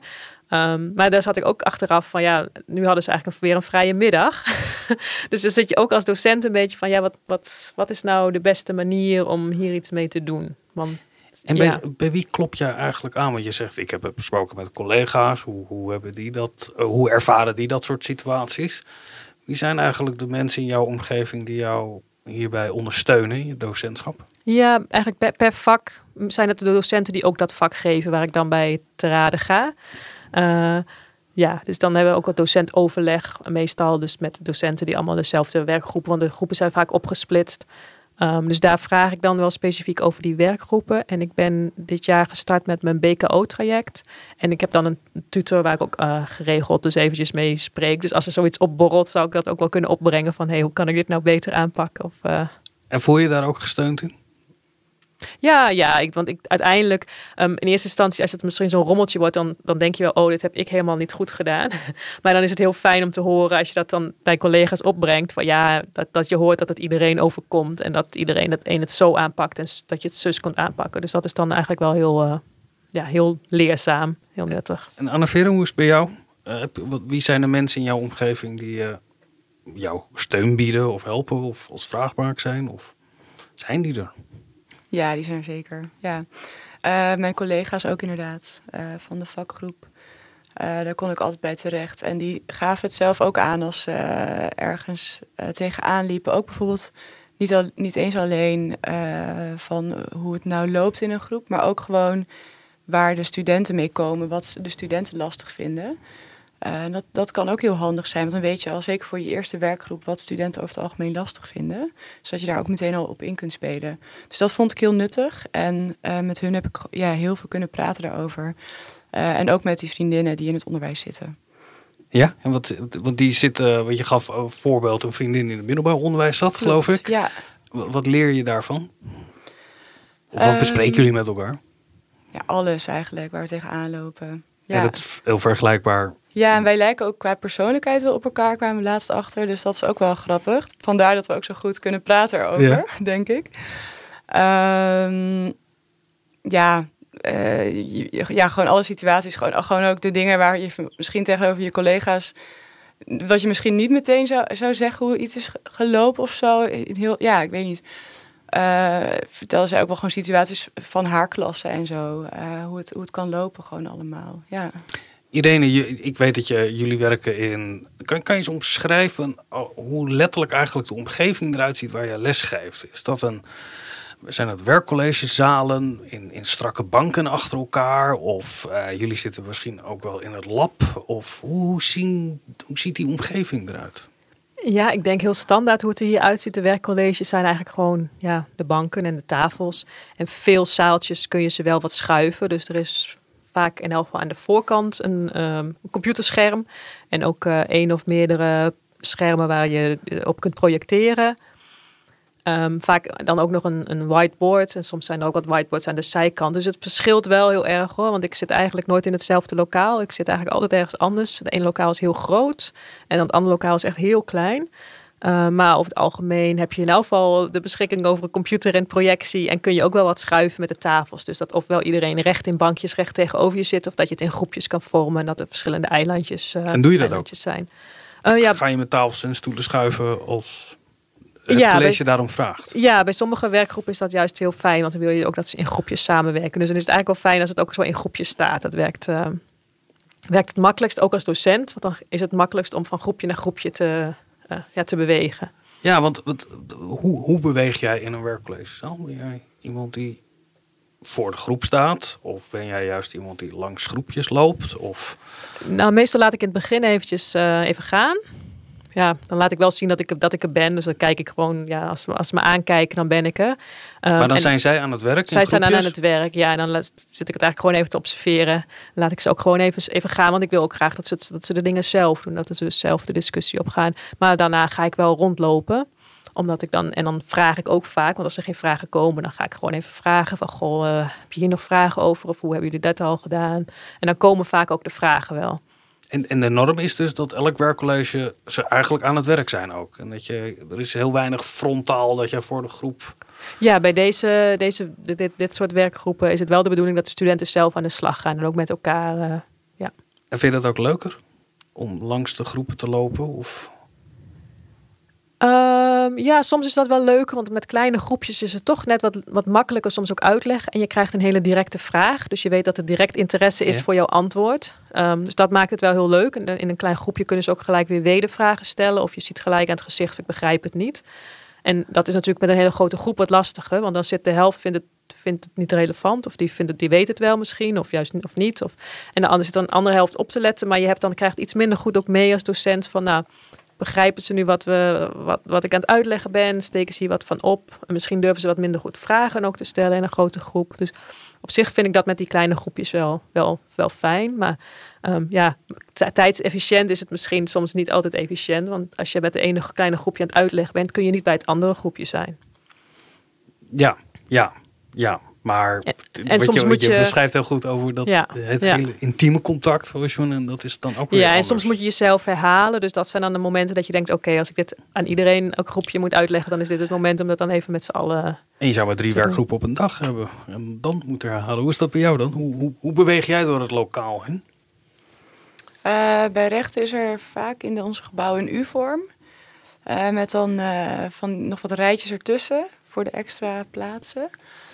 Ehm, ik heb ook één keer gehad dat mijn lokaal omgebouwd was. En toen heb ik hem toch ook weer teruggezet naar de U-vorm. Ja. ik was aan gehecht geraakt inmiddels. Ehm, en eh ja, bespreken we dus casussen. Eh, dus de studenten moeten die ook hebben voorbereid thuis. Eh, dat verwachten we ook echt. En is de werkgroep er echt voor om je eigen antwoord dat je al hebt aan te scherpen. Dus zo zien de werkgroepen er ook uit. Maar ben jij iemand die heel bewegelijk is in, in, in de groep? Of ben jij iemand die achter het spreekgestoelte blijft staan? Of... Ehm, nou, tijdens die werkvorm was ik altijd wel bewegelijk. En dan ging ik inderdaad ook eh, de groepjes langs. Eh, om, of, of, of ze nog vragen hadden. Eh, en ook als ze dan zelf bij op het bord moesten schrijven, maakte dat ook wel de boel wat bewegelijker. Ja. Irene, ehm, je, bent je natuurlijk nog aan het ontwikkelen als docent. Hè? Want dat blijven we de rest van je leven doen. Als je dan je, je ogen dicht zou doen en je zou nadenken over... welke docent heb je ooit gehad waarvan je dacht... nou, als ik toch ooit eens een keer daarbij in de buurt zou kunnen komen. Oeh. Wie was dat? Nou, ik vind het wel een grappige vraag. Die vraag kregen we ook bij Start to Teach, volgens mij. Van, oh, wat was je favoriete docent? En dan denk ik eigenlijk niet een docent die ik zelf zou willen zijn. Want het was mijn basisschooljuf. Ja, Die bij mij toen echt gewoon, die heeft zo'n indruk op mij gemaakt. Ik, eh, eh, ja. Dus maar wat van haar kwaliteiten zou je willen hebben? Ehm, nou, zij wist gewoon heel goed wat, wat iedereen individueel nodig had. Dus zij eh, wist gewoon heel goed wat ik, wat ik nodig had. En ze zorgde er ook altijd voor dat er wat extra uitdaging te vinden was. Ehm, dus ja, misschien is dat iets wat ik ook zou, eh, zou willen overnemen. Dat je wel voor iedere, ja, iedere student, maar dat dus de studenten wel wat uitdaging geeft ook. Wat, wat fijn dat je zo aan het begin van je schoolcarrière al je beste docent hebt getroffen. Nou, het is Dat, ook heel vervelend, want ik heb voor mijn gevoel op de middelbare school Daarna niks meer geleerd. Ik dacht echt, ik heb, ben een keer weggelopen, want ik dacht, ja, dit heeft mijn juf mij toen al in groep 6 uitgelegd. Dus dit is... eh, Oh, wat mooi, wat mooi. En hoe is dat bij jou, Anne-Vere? Aan wie denk je? Eh, ik denk aan een eh, docent maatschappijleer. Die ons als eh, leerlingen heel erg betrok bij. eh, hij was een boek aan het schrijven voor maatschappijleer. Dus het is uiteindelijk ook uitgekomen. En hij betrok ons daar heel erg bij. En dat vond ik heel erg leuk. Eh, ik vond het ook leuk hoe hij zich daarin, eh, hoe, hoe open hij daarin was. En hij vertelde ook altijd wel, je bent als leerling was ik ook altijd wel benieuwd naar gewoon de docent ook gewoon überhaupt, zeg maar, waar woont die docent? Eh, wat doet hij in zijn vrije tijd? En veel de- docenten gaven daar echt niks over prijs haast. En dat deed hij wel. Dan ging hij gewoon op Google Maps even in het kader, volgens mij ging dat dan van privacy of zo. Uh, ging hij dan uh, door zijn oude straat lopen met ons. En dan zei hij, oh kijk, dat is de buurvrouw. Ja, het is denk ik woensdag, want uh, dan doet ze altijd de tuin. dat vonden wij hilarisch en dat is ook gewoon leuk. Dan leer je iemand echt persoonlijk kennen. En dat vind ik wel een mooi voorbeeld. En wat zou je daarvan willen overnemen? Um, ja, ook zelf betrokken zijn bij onderwijsontwikkeling. En uh, dat ook delen met, met de studenten. Daarbij ook aansluiten bij wat de studenten nodig hebben en waar zij echt op zitten te wachten. Uh, dat, dat, vind ik ook heel belangrijk. dat, dat, ja, dat het niet vanuit hoog op echt heel erg wordt opgelegd. en wat ik ook heel belangrijk vind, is om open te zijn en, en ook wat, ja, wat soort van kwetsbaarheid te tonen tijdens het onderwijs. Maar ook op een persoonlijk niveau? Ja, wel. Zoals jouw uh, docent deed, door iets uit je privéleven te delen of je persoonlijk leven. Ja, dat vind ik wel mooi. Ja, en bij hem was het dan iets feitelijks. Zo van, dit is mijn buurvrouw. Die was ook geblurred natuurlijk, want dat was het onderwerp privacy. Um, ja, dat vind ik uh, mooi om te doen. Uh, zodat je ook gewoon wat meer mens bent. En dat het niet alleen maar hiërarchisch is. Hoewel dat natuurlijk ook wel. Je moet wel een bepaald soort uh, overwicht houden. Maar, ja. Is dat denk je iets wat je kan leren om zo'n bijzondere docent te worden? Of zit dat, moet dat in je zitten als mens? Uh, ik denk zeker dat je dat kunt leren. Ja, ja als je het zelf belangrijk vindt, uh, dan ja, zouden heel veel mensen dat kunnen leren, denk ik. Vind jij belangrijk, Irene? Ja, zeker. Maar ik denk dat het dus vooral heel belangrijk is dat je jezelf blijft. Dus je kunt het wel leren, maar je moet ja. niet gaan spelen. Dus ik kan wel denken, als je denkt van, oh, dat was leuk wat mijn maatschappijleraar deed, ik ga het ook doen. Ja, dan werkt het niet. Nee, ja. Uh, maar als je denkt van, het, is, het was heel leuk om hem persoonlijk te leren kennen, dan is het wel heel leuk om dat te, te, herinneren. Dus dat het leuk is om de studenten te laten zien, ik ben ook een mens, ik heb ook hobby's, ik heb ook uh, ja, an, iets, iets, iets wat jullie ook hebben. We hebben dingen gemeen. Dus dat is denk ik uh, op de manier. Dus als je jezelf blijft, kun je wel heel veel dingen van anderen afkijken en het dan op jouw manier doen. Ja, maar dat, dat kan je ook kwetsbaar maken natuurlijk. Als je persoonlijke dingen deelt of, of waarom doet niet iedereen dat dan? Um, ja, je, je staat natuurlijk zoveel uur voor, voor een groep. Um, er worden volgens mij hele studies gemaakt van wat docenten aan hebben, hoe hun haar zit. Uh, omdat ze zo lang naar je kijken als docent. En je bent ook misschien, ja, de, de, studenten hebben op dat moment misschien ook helemaal niet zo heel veel andere docenten. Dus ja, volgens mij, ja, dus je maakt jezelf wel heel kwetsbaar als je iets, iets privés zegt. En daar vinden studenten van alles van natuurlijk. Ja. Uh, dus je moet daar wel tegen kunnen. Ik denk dat het ook heel belangrijk is om voor jezelf te bedenken wat je wilt delen. En waar trek jij de grens daarin? Um, ja, gewoon bij wat goed voelt. Dus bij twijfel deel ik het niet. Dat is een heel kritisch ja. antwoord. Eh, natuurlijk. Ja, het aan een uh, rechte docent. Ja, het hangt ervan af, van de omstandigheden. Um, ja, ja, maar zo is het wel, denk ik. Ik probeer daar gewoon dat ook gewoon te voelen, zeg maar. Wat voelt goed en wat niet. Heb wel spijt gehad dat je iets hebt verteld wat je later terug hoorde? Of... Nee, nog niet. Nee, en ik denk dat het eigenlijk ook niet zo snel gebeurt. Uh, en ik denk dat het ook iets is wat je studenten kunt leren van ook hoe je om moet gaan met de, nou ja, om kunt gaan met de mening van anderen. Uh, dat je daar ook niet alle, altijd heel veel waarde aan moet hechten. Dus zelfs als studenten er over iets wat ik zou delen, iets zouden zeggen, ja. Wat, hoe, hoe kijken jullie eigenlijk naar de, de de, de mening van de studenten. En of het nou op een roddelniveau is van wat heb je aan tot aan uh, uh, cursusevaluaties. Is dat voor jullie belangrijk? Ja, en ze hebben ook echt een hele sterke mening. Dus dat is wel, of ja, hele goede, duidelijke mening. Dus dat is wel echt wel heel erg leuk. Want zelfs als je cursusevaluatie doet bij studenten, dan soms denk je van ja, daar hebben ze nou even geen zin in.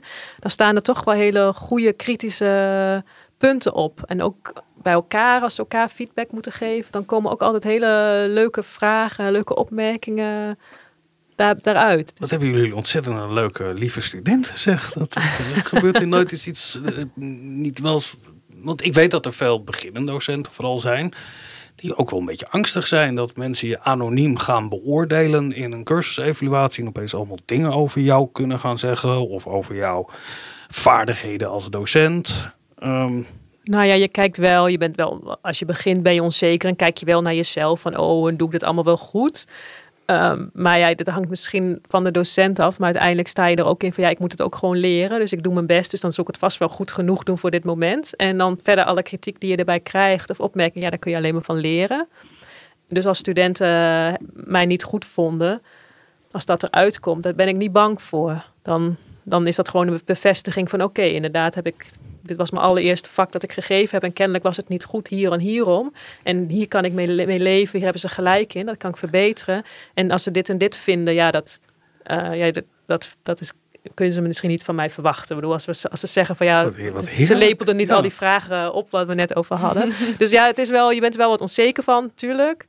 Um, maar uiteindelijk weet je ook gewoon van ja, um, als je zelf leuk vindt en je doet je best ervoor, dan, uh, ja, kun je daar eigenlijk ook alleen maar weer van leren, van elkaar feedback geven. Hoe kom je als uh, startend docent over die onzekerheid heen? Stel, er luisteren nu wat andere hele jonge docenten mee. Wat zou je hen willen vertellen? Nou, gewoon vooral geloven in je eigen en dus bij jezelf blijven. Dus dat is wat ik mezelf ook dan misschien de eerste keer dat ik voor de klas ging staan, dacht van oké, ehm, ik vind dit leuk. Ik ga, hun wat ik ga deze studenten wat leren. Um, ik hoef niet alles te weten. Ik zei ook tegen mezelf, ik hoef niet de perfecte docent te zijn in mijn allereerste allereerste jaar of de allereerste keer. Als ik in elk geval die studenten maar kan helpen vandaag. En ook als ik de antwoorden niet weet, kan ik ze alsnog helpen. Dus we kunnen of samen het op, de antwoord gaan, gaan bedenken ter plekke, of ik kom er later weer op terug.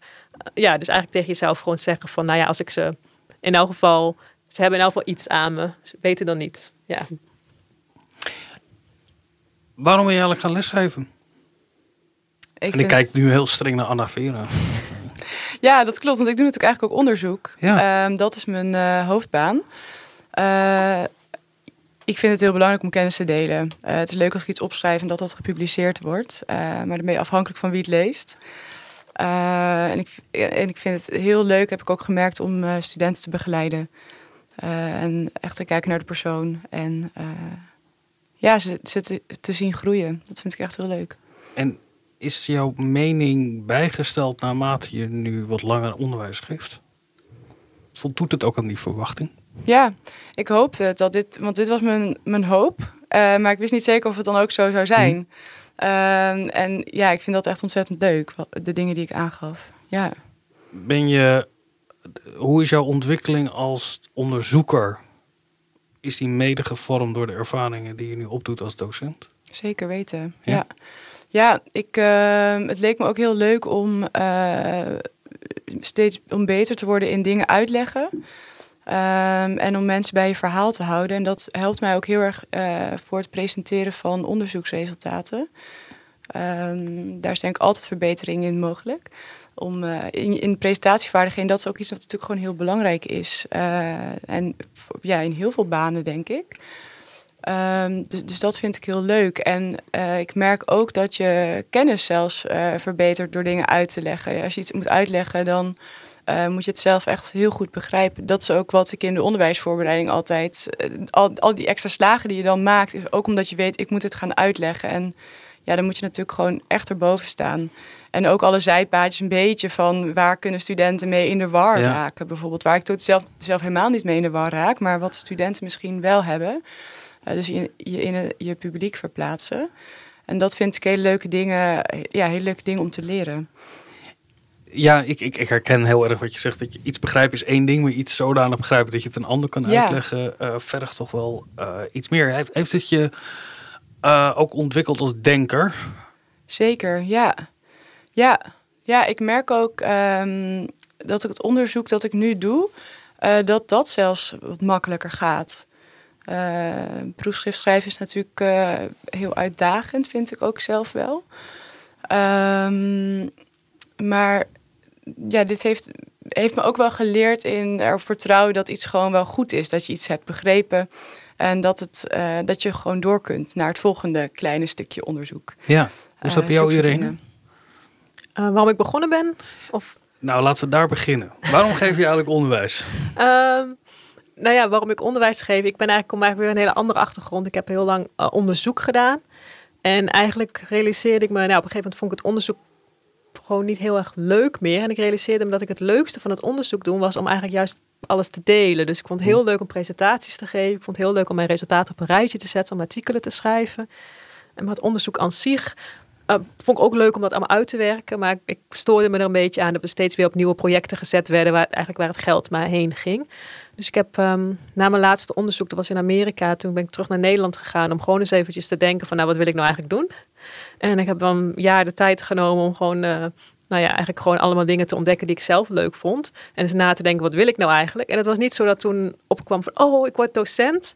Um, daar rolde ik eigenlijk in en ik denk dat het eigenlijk wel de perfecte match is geworden. Omdat ik dus hier wel mijn kennis kan delen, maar ook uh, nou ja, een beetje te coachen. Ik ben tutor, dus dat je ook een beetje van je eigen levenservaring weer kan delen met, uh, met de jonge generatie. Dus het is eigenlijk allemaal een beetje op zijn plekje gevallen. Want je doet nu geen onderzoek? Nee. En hoe denk jij, um, want we zeggen net, je als onderzoeker ontwikkel je door je onderwijs. Zou het zo kunnen zijn dat je ook weer het verlangen krijgt naar het onderzoek, nu je weer in het onderwijs zit?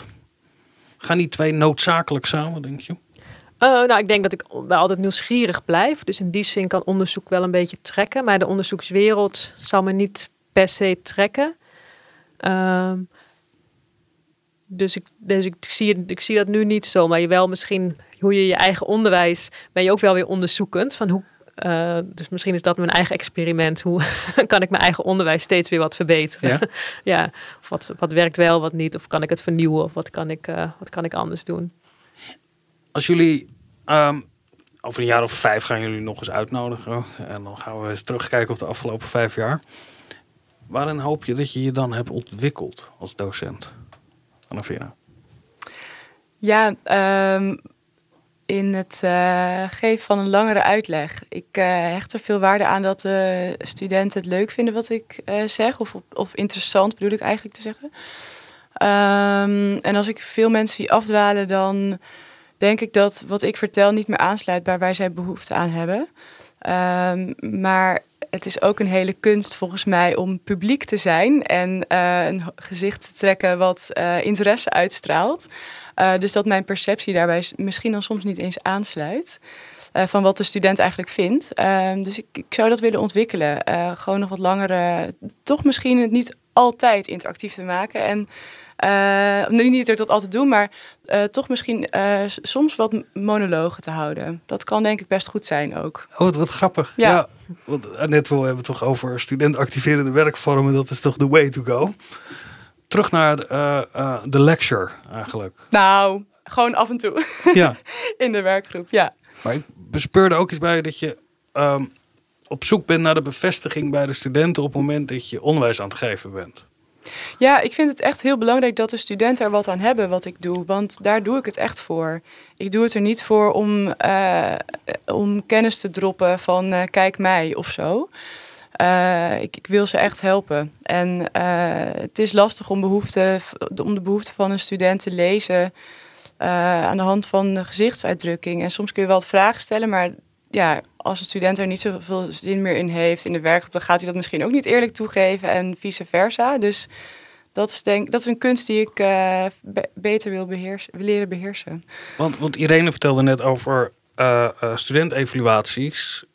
Um, nou ja, ik neem ervan mee uh, om er wat van te leren, als ik je even mag parafraseren. Maar um, hoe is dat voor jou? Ja, um, nou, bij ons uh, hadden helaas niet zo heel veel studenten de evaluatie ingevuld. Um, dus ik, ik dacht inderdaad, ik was erg benieuwd naar de evaluatie en hoe direct het zou zijn. Want ze kunnen natuurlijk gewoon online het invullen en alles opsturen. En je krijgt het gewoon zo binnen als docent. Uh, maar dat viel me heel erg mee. Maar tegelijkertijd daarin ook tegen, want uh, ja, ik kreeg bijna geen uh, feedback. maar de feedback die ik kreeg was heel nuttig, dat wel. Ja, dus je hebt je, ja, dan kan je ook niet zorgen maken over dingen die niet. Ja, tenminste, als niemand reageert, dan kan je er ook geen zorgen over maken. Wat, nee, klopt. Wat dat, is, ja. dat is jammer. Ehm, ja, want je wilt als docent ook leren. Ja, ja, dat vraag ik me af. Of studentevaluaties daar de juiste uh, vorm voor zijn. Maar daar gaan we Klopt. vast een keer een aflevering over maken. is voor jou? Um, hoe zie je jezelf over vijf jaar?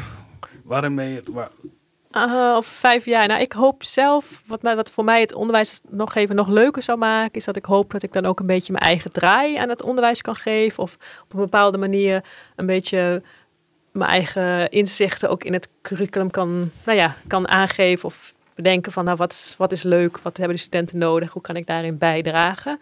Want nu volg je eigenlijk de cursussen zoals ze al zijn opgezet. We hebben de cursushandleiding, de docenthandleiding. Dus als je gaat beginnen ga je natuurlijk ook niet alles gelijk helemaal anders aanpakken en op de kop gooien. Dus je doet zoals het is voorgeschreven. Dus het lijkt me leuk dat ik over vijf jaar een veel beter beeld heb van waar hebben farmaciestudenten behoefte aan. Wat sloeg wel aan, wat sloeg niet aan, hoe sluiten dingen op elkaar aan. En dat ik daar ook uh, een steuntje jou aan kan bijdragen om de dingen wat beter op elkaar aan te sluiten of de gaten op te vullen die, waar behoeftes aan is. Dat lijkt mij, uh, lijkt mij erg leuk. En wat heb jij nodig om dat te bereiken? Wat zou de universiteit daarin kunnen doen? Of uh, collega's, die ook bij de universiteit werken overigens. Maar wat, wat, ja. wat heb jij nodig om je verder te ontwikkelen als docent? Um, nou, in, eerste instantie voor nu is het gewoon ervaring opdoen. Dus sowieso ervaring opdoen met de verschillende werkvormen. En ook dus de studie eigenlijk beter leren kennen. De verschillende, de verschillende vakken. Um, maar wat je nodig hebt is wel iets ook een mentor of een... Uh, een, een, andere docent die ook wat kunnen aanreiken van hey, heb je hier eens over nagedacht of heb je, heb je daar eens over nagedacht of misschien moet je eens met die, die praten, die doet dit of dat. Um, dus dat zou denk ik heel erg helpen. En ik denk ook wel dat het leuk is om en dan weet ik niet of dat bestaat. Maar misschien zoals met Center of Academic Teaching, er zijn ook veel cursussen. Maar er is ook, zijn ook misschien wel manieren om ook buiten je eigen faculteit, dus buiten de farmacie, uh, ja, beter te leren van wat speelt daar dan. Dus dat er werkgroepen zijn dat je op een bepaald onderwerp kunt combineren. Dus meer inter, ja, inter. Je hebt een idee in je hoofd. Vertel eens. Nee, ik heb niet echt ideeën, maar ik vind zelf. Uh, ik ben bij, heb zelf farmacie gestudeerd. Ik vind het heel leuk om weer farmacie te geven, maar ik zie ook zoveel andere dingen. Ik ben in mijn vrije tijd heel veel met data en datavisualisaties bezig, maar ook het stukje. Uh, wetenschapscommunicatie dat ik heel leuk vind. Dus ik vind dat soort dingen ook heel erg leuk om, om over te praten en om, om te leren. En ik denk ook dat het gewoon heel leuk is uh, om die nieuwe dingen ook in zo'n uh, zo'n studie te brengen. Dus dat studenten ja, ook misschien van elkaar leren, van andere faculteiten. En hoe zou dat jou een betere docent maken? Uh, nou, ik hoop dat het een betere docent is, omdat je dan misschien ja, kunt inspelen op wat echt voor een student voor de toekomst belangrijk is. Dus dat is niet alleen maar dat studieboek uit het hoofd kennen. Uh, maar dat is juist nadenken over van hoe kan ik dit toepassen en wat zijn mijn sterke punten, wat, wat kan ik van een ander leren, wat kan ik uit een ander vak halen. Um, ja, en ook een beetje nadenken over van ja, wat, wat, wat wordt misschien de, de, rol van een apotheker of een geneesmiddeldeskundige in de toekomst? Wat heb ik dan eigenlijk als andere vaardigheden kan ik hier goed bij gebruiken? Anne-Vera, wat heb jij nodig? Ik uh, ben eventjes de vraag de, In de komende jaren, als je je ontwikkelt, over vijf jaar wil je uh, je ontwikkelen, neem ik aan. Ja, ja op zich wel. of, of, zeg je, ik ben af, het is, uh, ik ben volleerd als docent dit is het, beter wordt het niet? Um, uh, nee, ik ben zeker niet volleerd. Nee, uh, ik heb ervaring nodig. Uh, denk ik veel dingen uitproberen. dat werkt het beste voor mij. en, en cursussen is gewoon heel nuttig. En wat, cursussen geven of cursussen volgen? Volgen, ja. En, en waar, waar denk je dan aan? Um, nou, ja, gewoon onderwijscursussen over ja, allerlei dingen die je tegenkomt. Ik vond het ook al interessant dat er hele boeken zijn over onderwijs. Ik, ik wist dat niet zo. En toen ik het las, dacht ik, oh wauw, ja, iedereen maakt toch hetzelfde mee. Zo'n, uh, ik zie Annette helemaal wegtrekken van tafel. Ja. Dat is heel vakgebied met ze. ja, nee, dat wist ik natuurlijk ook, dat onderwijskunde een heel vakgebied is. Maar, eh, want, want, want uh, ik ken ook wel mensen die dat gestudeerd hebben. Dat vond ik ook altijd heel leuk. Uh, maar ik wist niet dat die, dat die onderwijsboeken ook zo specifiek zijn op, uh, op bijvoorbeeld vragen stellen waar leerlingen mee komen. Um, want het is natuurlijk vaak voor middelbare scholen geschreven, dus dan wordt het ook, gaat het vaak over leerlingen in plaats van studenten. Um, zulke soort dingen helpen gewoon heel erg uh, om er wat uh, meer grip op te krijgen. Annette, ja. wat denk jij waar een uh, startende docent baat bij heeft om je verder te ontwikkelen? Ja, dat volgens mij wel heel veel mooie voorbeelden voorbij horen komen in dit gesprek. docenten leren volgens mij heel veel van elkaar. Um, het is best wel een uh, eenzaam beroep soms in je eentje voor, uh, voor een groep studenten of uh, misschien zelfs voor een hele hoorcollegezaal. Maar volgens mij kunnen docenten wel wat meer van elkaar leren. Door ook bij elkaar te kijken en meer, meer met elkaar te werken, samen te werken. Dus ik denk dat daar nog wel kansen liggen binnen de universiteit. Ja, want Irene, hebben jullie dat gedaan dat je ook bij elkaar kijkt? Want dat was een mailtje dat ik meteen al kreeg vanuit de vakgroep van... oh, jullie zijn degene die voor het eerst dit vak geven voel je vrij om te kijken bij andere docenten. En toen dacht ik nog, oh, hè, uh, werkt dit zo in het onderwijs? En dat heb ik uiteindelijk heel vaak gedaan. En dat vond ik inderdaad heel erg nuttig. ja, nou, ik, ik heb dat later pas wel ook wel gedaan. En toen dacht ik van, eh, waarom heb ik dat niet direct? Heeft niemand ook gezegd. Maar ik dacht, dat eerste vak dat ik ging geven, had ik heel graag even willen kijken. Gewoon ja. maar één keertje. Want ik had echt het gevoel van, ik, ik doe maar wat. Ja. Ik doe mijn best, maar ik doe maar wat. Dus ik had het heel fijn gevonden om even te zien hoe doet een ander het. Dat ik dan wist van oké, als ik het zo doe, is het in elk geval wel goed. Of, um, het nam ja. mij echt heel veel zenuwen. Ja. Ik was echt heel zenuwachtig voor mijn eerste college. Terwijl ik echt, echt geen podiumangst per heel erg heb of zo. Zeg, presentaties vind ik altijd hartstikke leuk om te doen. Ja. Uh, nee, ik vond het ook heel fijn. Bij het volgende vak dat ik gaf, heb ik dat wel gedaan. Dat gaf me soms ook een beetje houvast. En ik vond het ook heel fijn als anderen bij mij kwamen kijken. Dat vond ik in het begin een beetje eng. Want je denkt, ja. oh, dan ziet iedereen hoe, wat, wat voor potje ik ervan maak. Maar dat was zo nuttig en zo fijn. Ook, oh, het geeft dan ook heel veel vertrouwen van, oh ja, je doet het eigenlijk wel goed. En dat zijn best wel wat dingetjes die waar, waar je wist van, dit liep niet lekker. En dan krijg je ook hele nuttige tips. Of wat dingen, iemand die jou komt observeren, die ziet toch dingen die jij allemaal niet zo snel ziet of uh, bedenkt op dat moment ja, daar veel aan gehad. Ja, en ik, ik weet uit ervaring dat ervaren docenten om bij een jongere collega te gaan kijken, dat je als ervaren docent er ook heel veel van kan leren. Dus dat het heel erg wederkerig is, die uh, relatie. Wat leuk, dat wist ik niet. Nee, nee. Dat, dat, ja, dat, nou ja, ik ben zelf een redelijk ervaren docent. En ik vind het altijd heel erg inspirerend om bij jonge docenten te gaan kijken. En ook binnen verschillende uh, dingen die wij doen binnen de faculteit geestwetenschappen. Ja hoor ik vaak terug van tutoren, BKO-tutoren, die komen kijken bij iemand van, goh, hoe gaat het? Wat eigenlijk een soort, nou ja, hoe noem je dat? Ik wil niet zeggen surveillance is, maar wel uh, uh, om iemand tips te geven. Dat vaak die ervaren docenten ook terugkomen van, ik heb er zelf heel veel van geleerd. Ja, mijn collega's gaven me dat gevoel wel hoor, maar uh, ja, ik, ik, wist het niet zeker of ze dat echt veel, ja. Dat, dat ja, echt, dat denk ik zeker. Ja, ja. leuk ik geloof ook niet dat je 15 jaar. Je kan niet stilstaan als docent. Dat, anders raak je ergens de boot en eh, de connectie kwijt met wat je aan het doen bent. Ja. ja. Um, wij, uh, Annette en ik, weten vrij zeker dat de rector het hele CVB meeluistert uh, natuurlijk naar deze podcast. Wat zou, er, uh, wat zou er moeten veranderen voor startende docenten binnen onze prachtige universiteit? Veranderen? Nou, ik denk wel iets in het begin.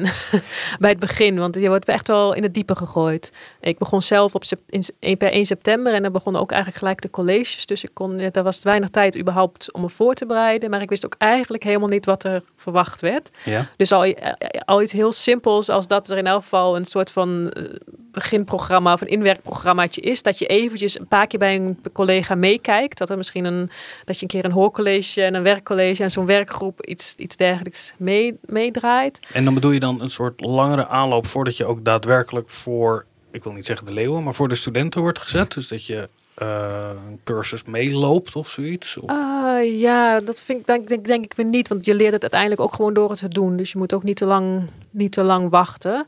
Maar ik denk wel dat het, ik, en ik weet niet hoe dat bij andere faculteiten is, maar dat het fijn is als je een soort van ontvangst krijgt. En in elk geval even een weekje, een proefweekje hebt of zo. Om even rond te kijken en dat, uh, ja. wat, wat tips en adviezen te krijgen. Van nou, pak het zo aan, doe het zo, ik doe het zus, ga, het, ga het zo doen. Uh, en misschien ook dat je direct vanaf het begin uh, iemand even erbij hebt om, te, om, om mee te kijken. Uh, zodat je direct vanaf het begin even kunt sparren van oké, was dit, hoe, hoe, kunnen we het beter gaan doen? Maar verder denk ik, de universiteit heeft al dan Start to Teach.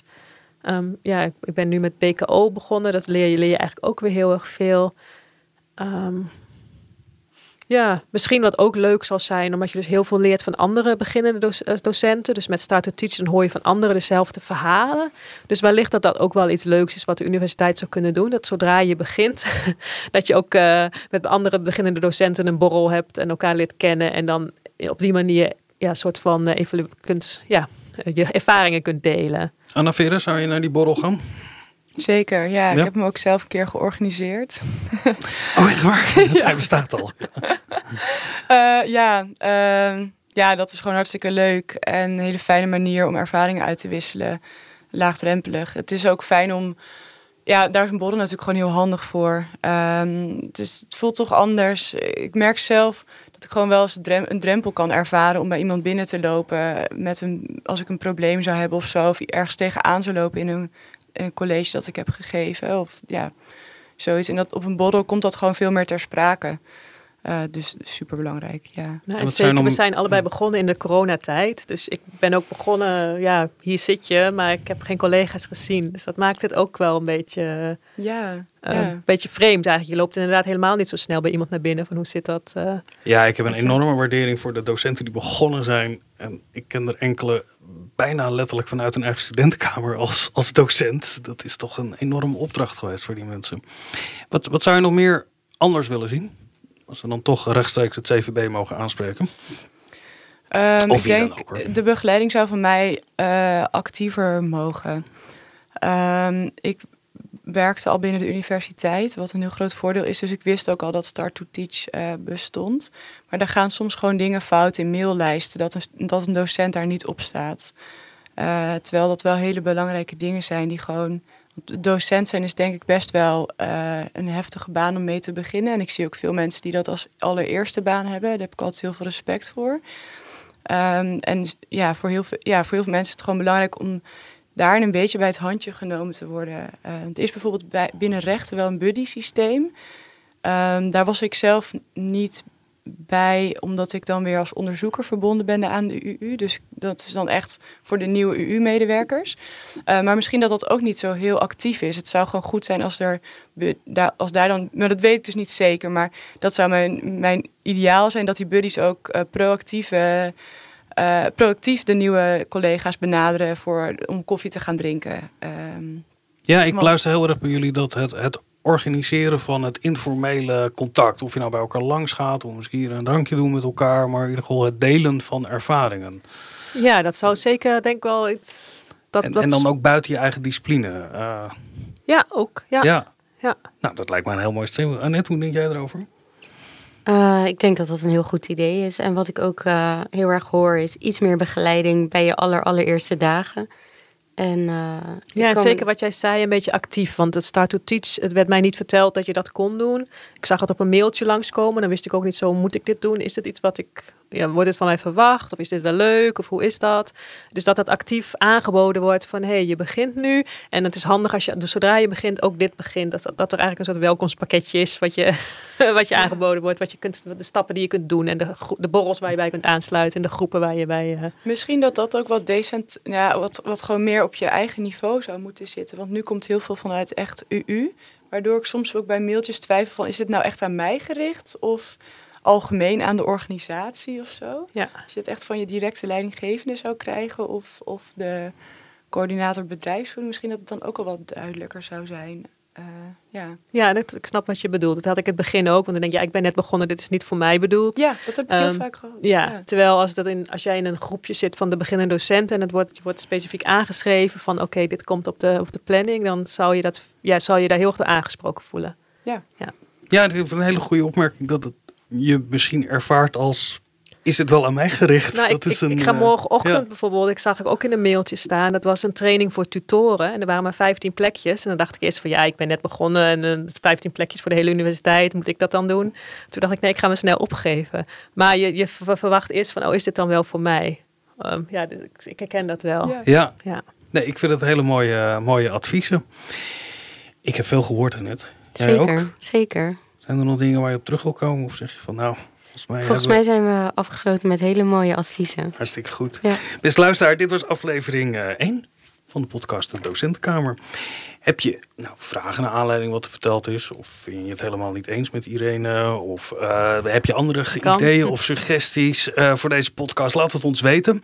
Uh, dat horen wij heel graag. En misschien wil je zelf wel een keer iets komen vertellen. Of ken je iemand waarvan je denkt, nou die zouden jullie een keer moeten uitnodigen. Die heeft een mooi verhaal. Um, laat het ons weten. We zijn uh, uh, zeer benieuwd.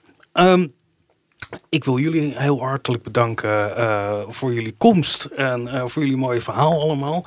Annette, ik wil jou bedanken. Mirjam, die hier aanwezig is, wil ik heel hartelijk bedanken. Ik wil het Center for Academic Teaching and Learning bedanken. En we gaan langzaam naar het lustrum toe. Dus nou ja, daar gaan wij zeker nog aandacht aan besteden. Ik wil Rick bedanken, die op dit moment op vakantie is. En dan zijn wij er over twee weken weer. Tot dan.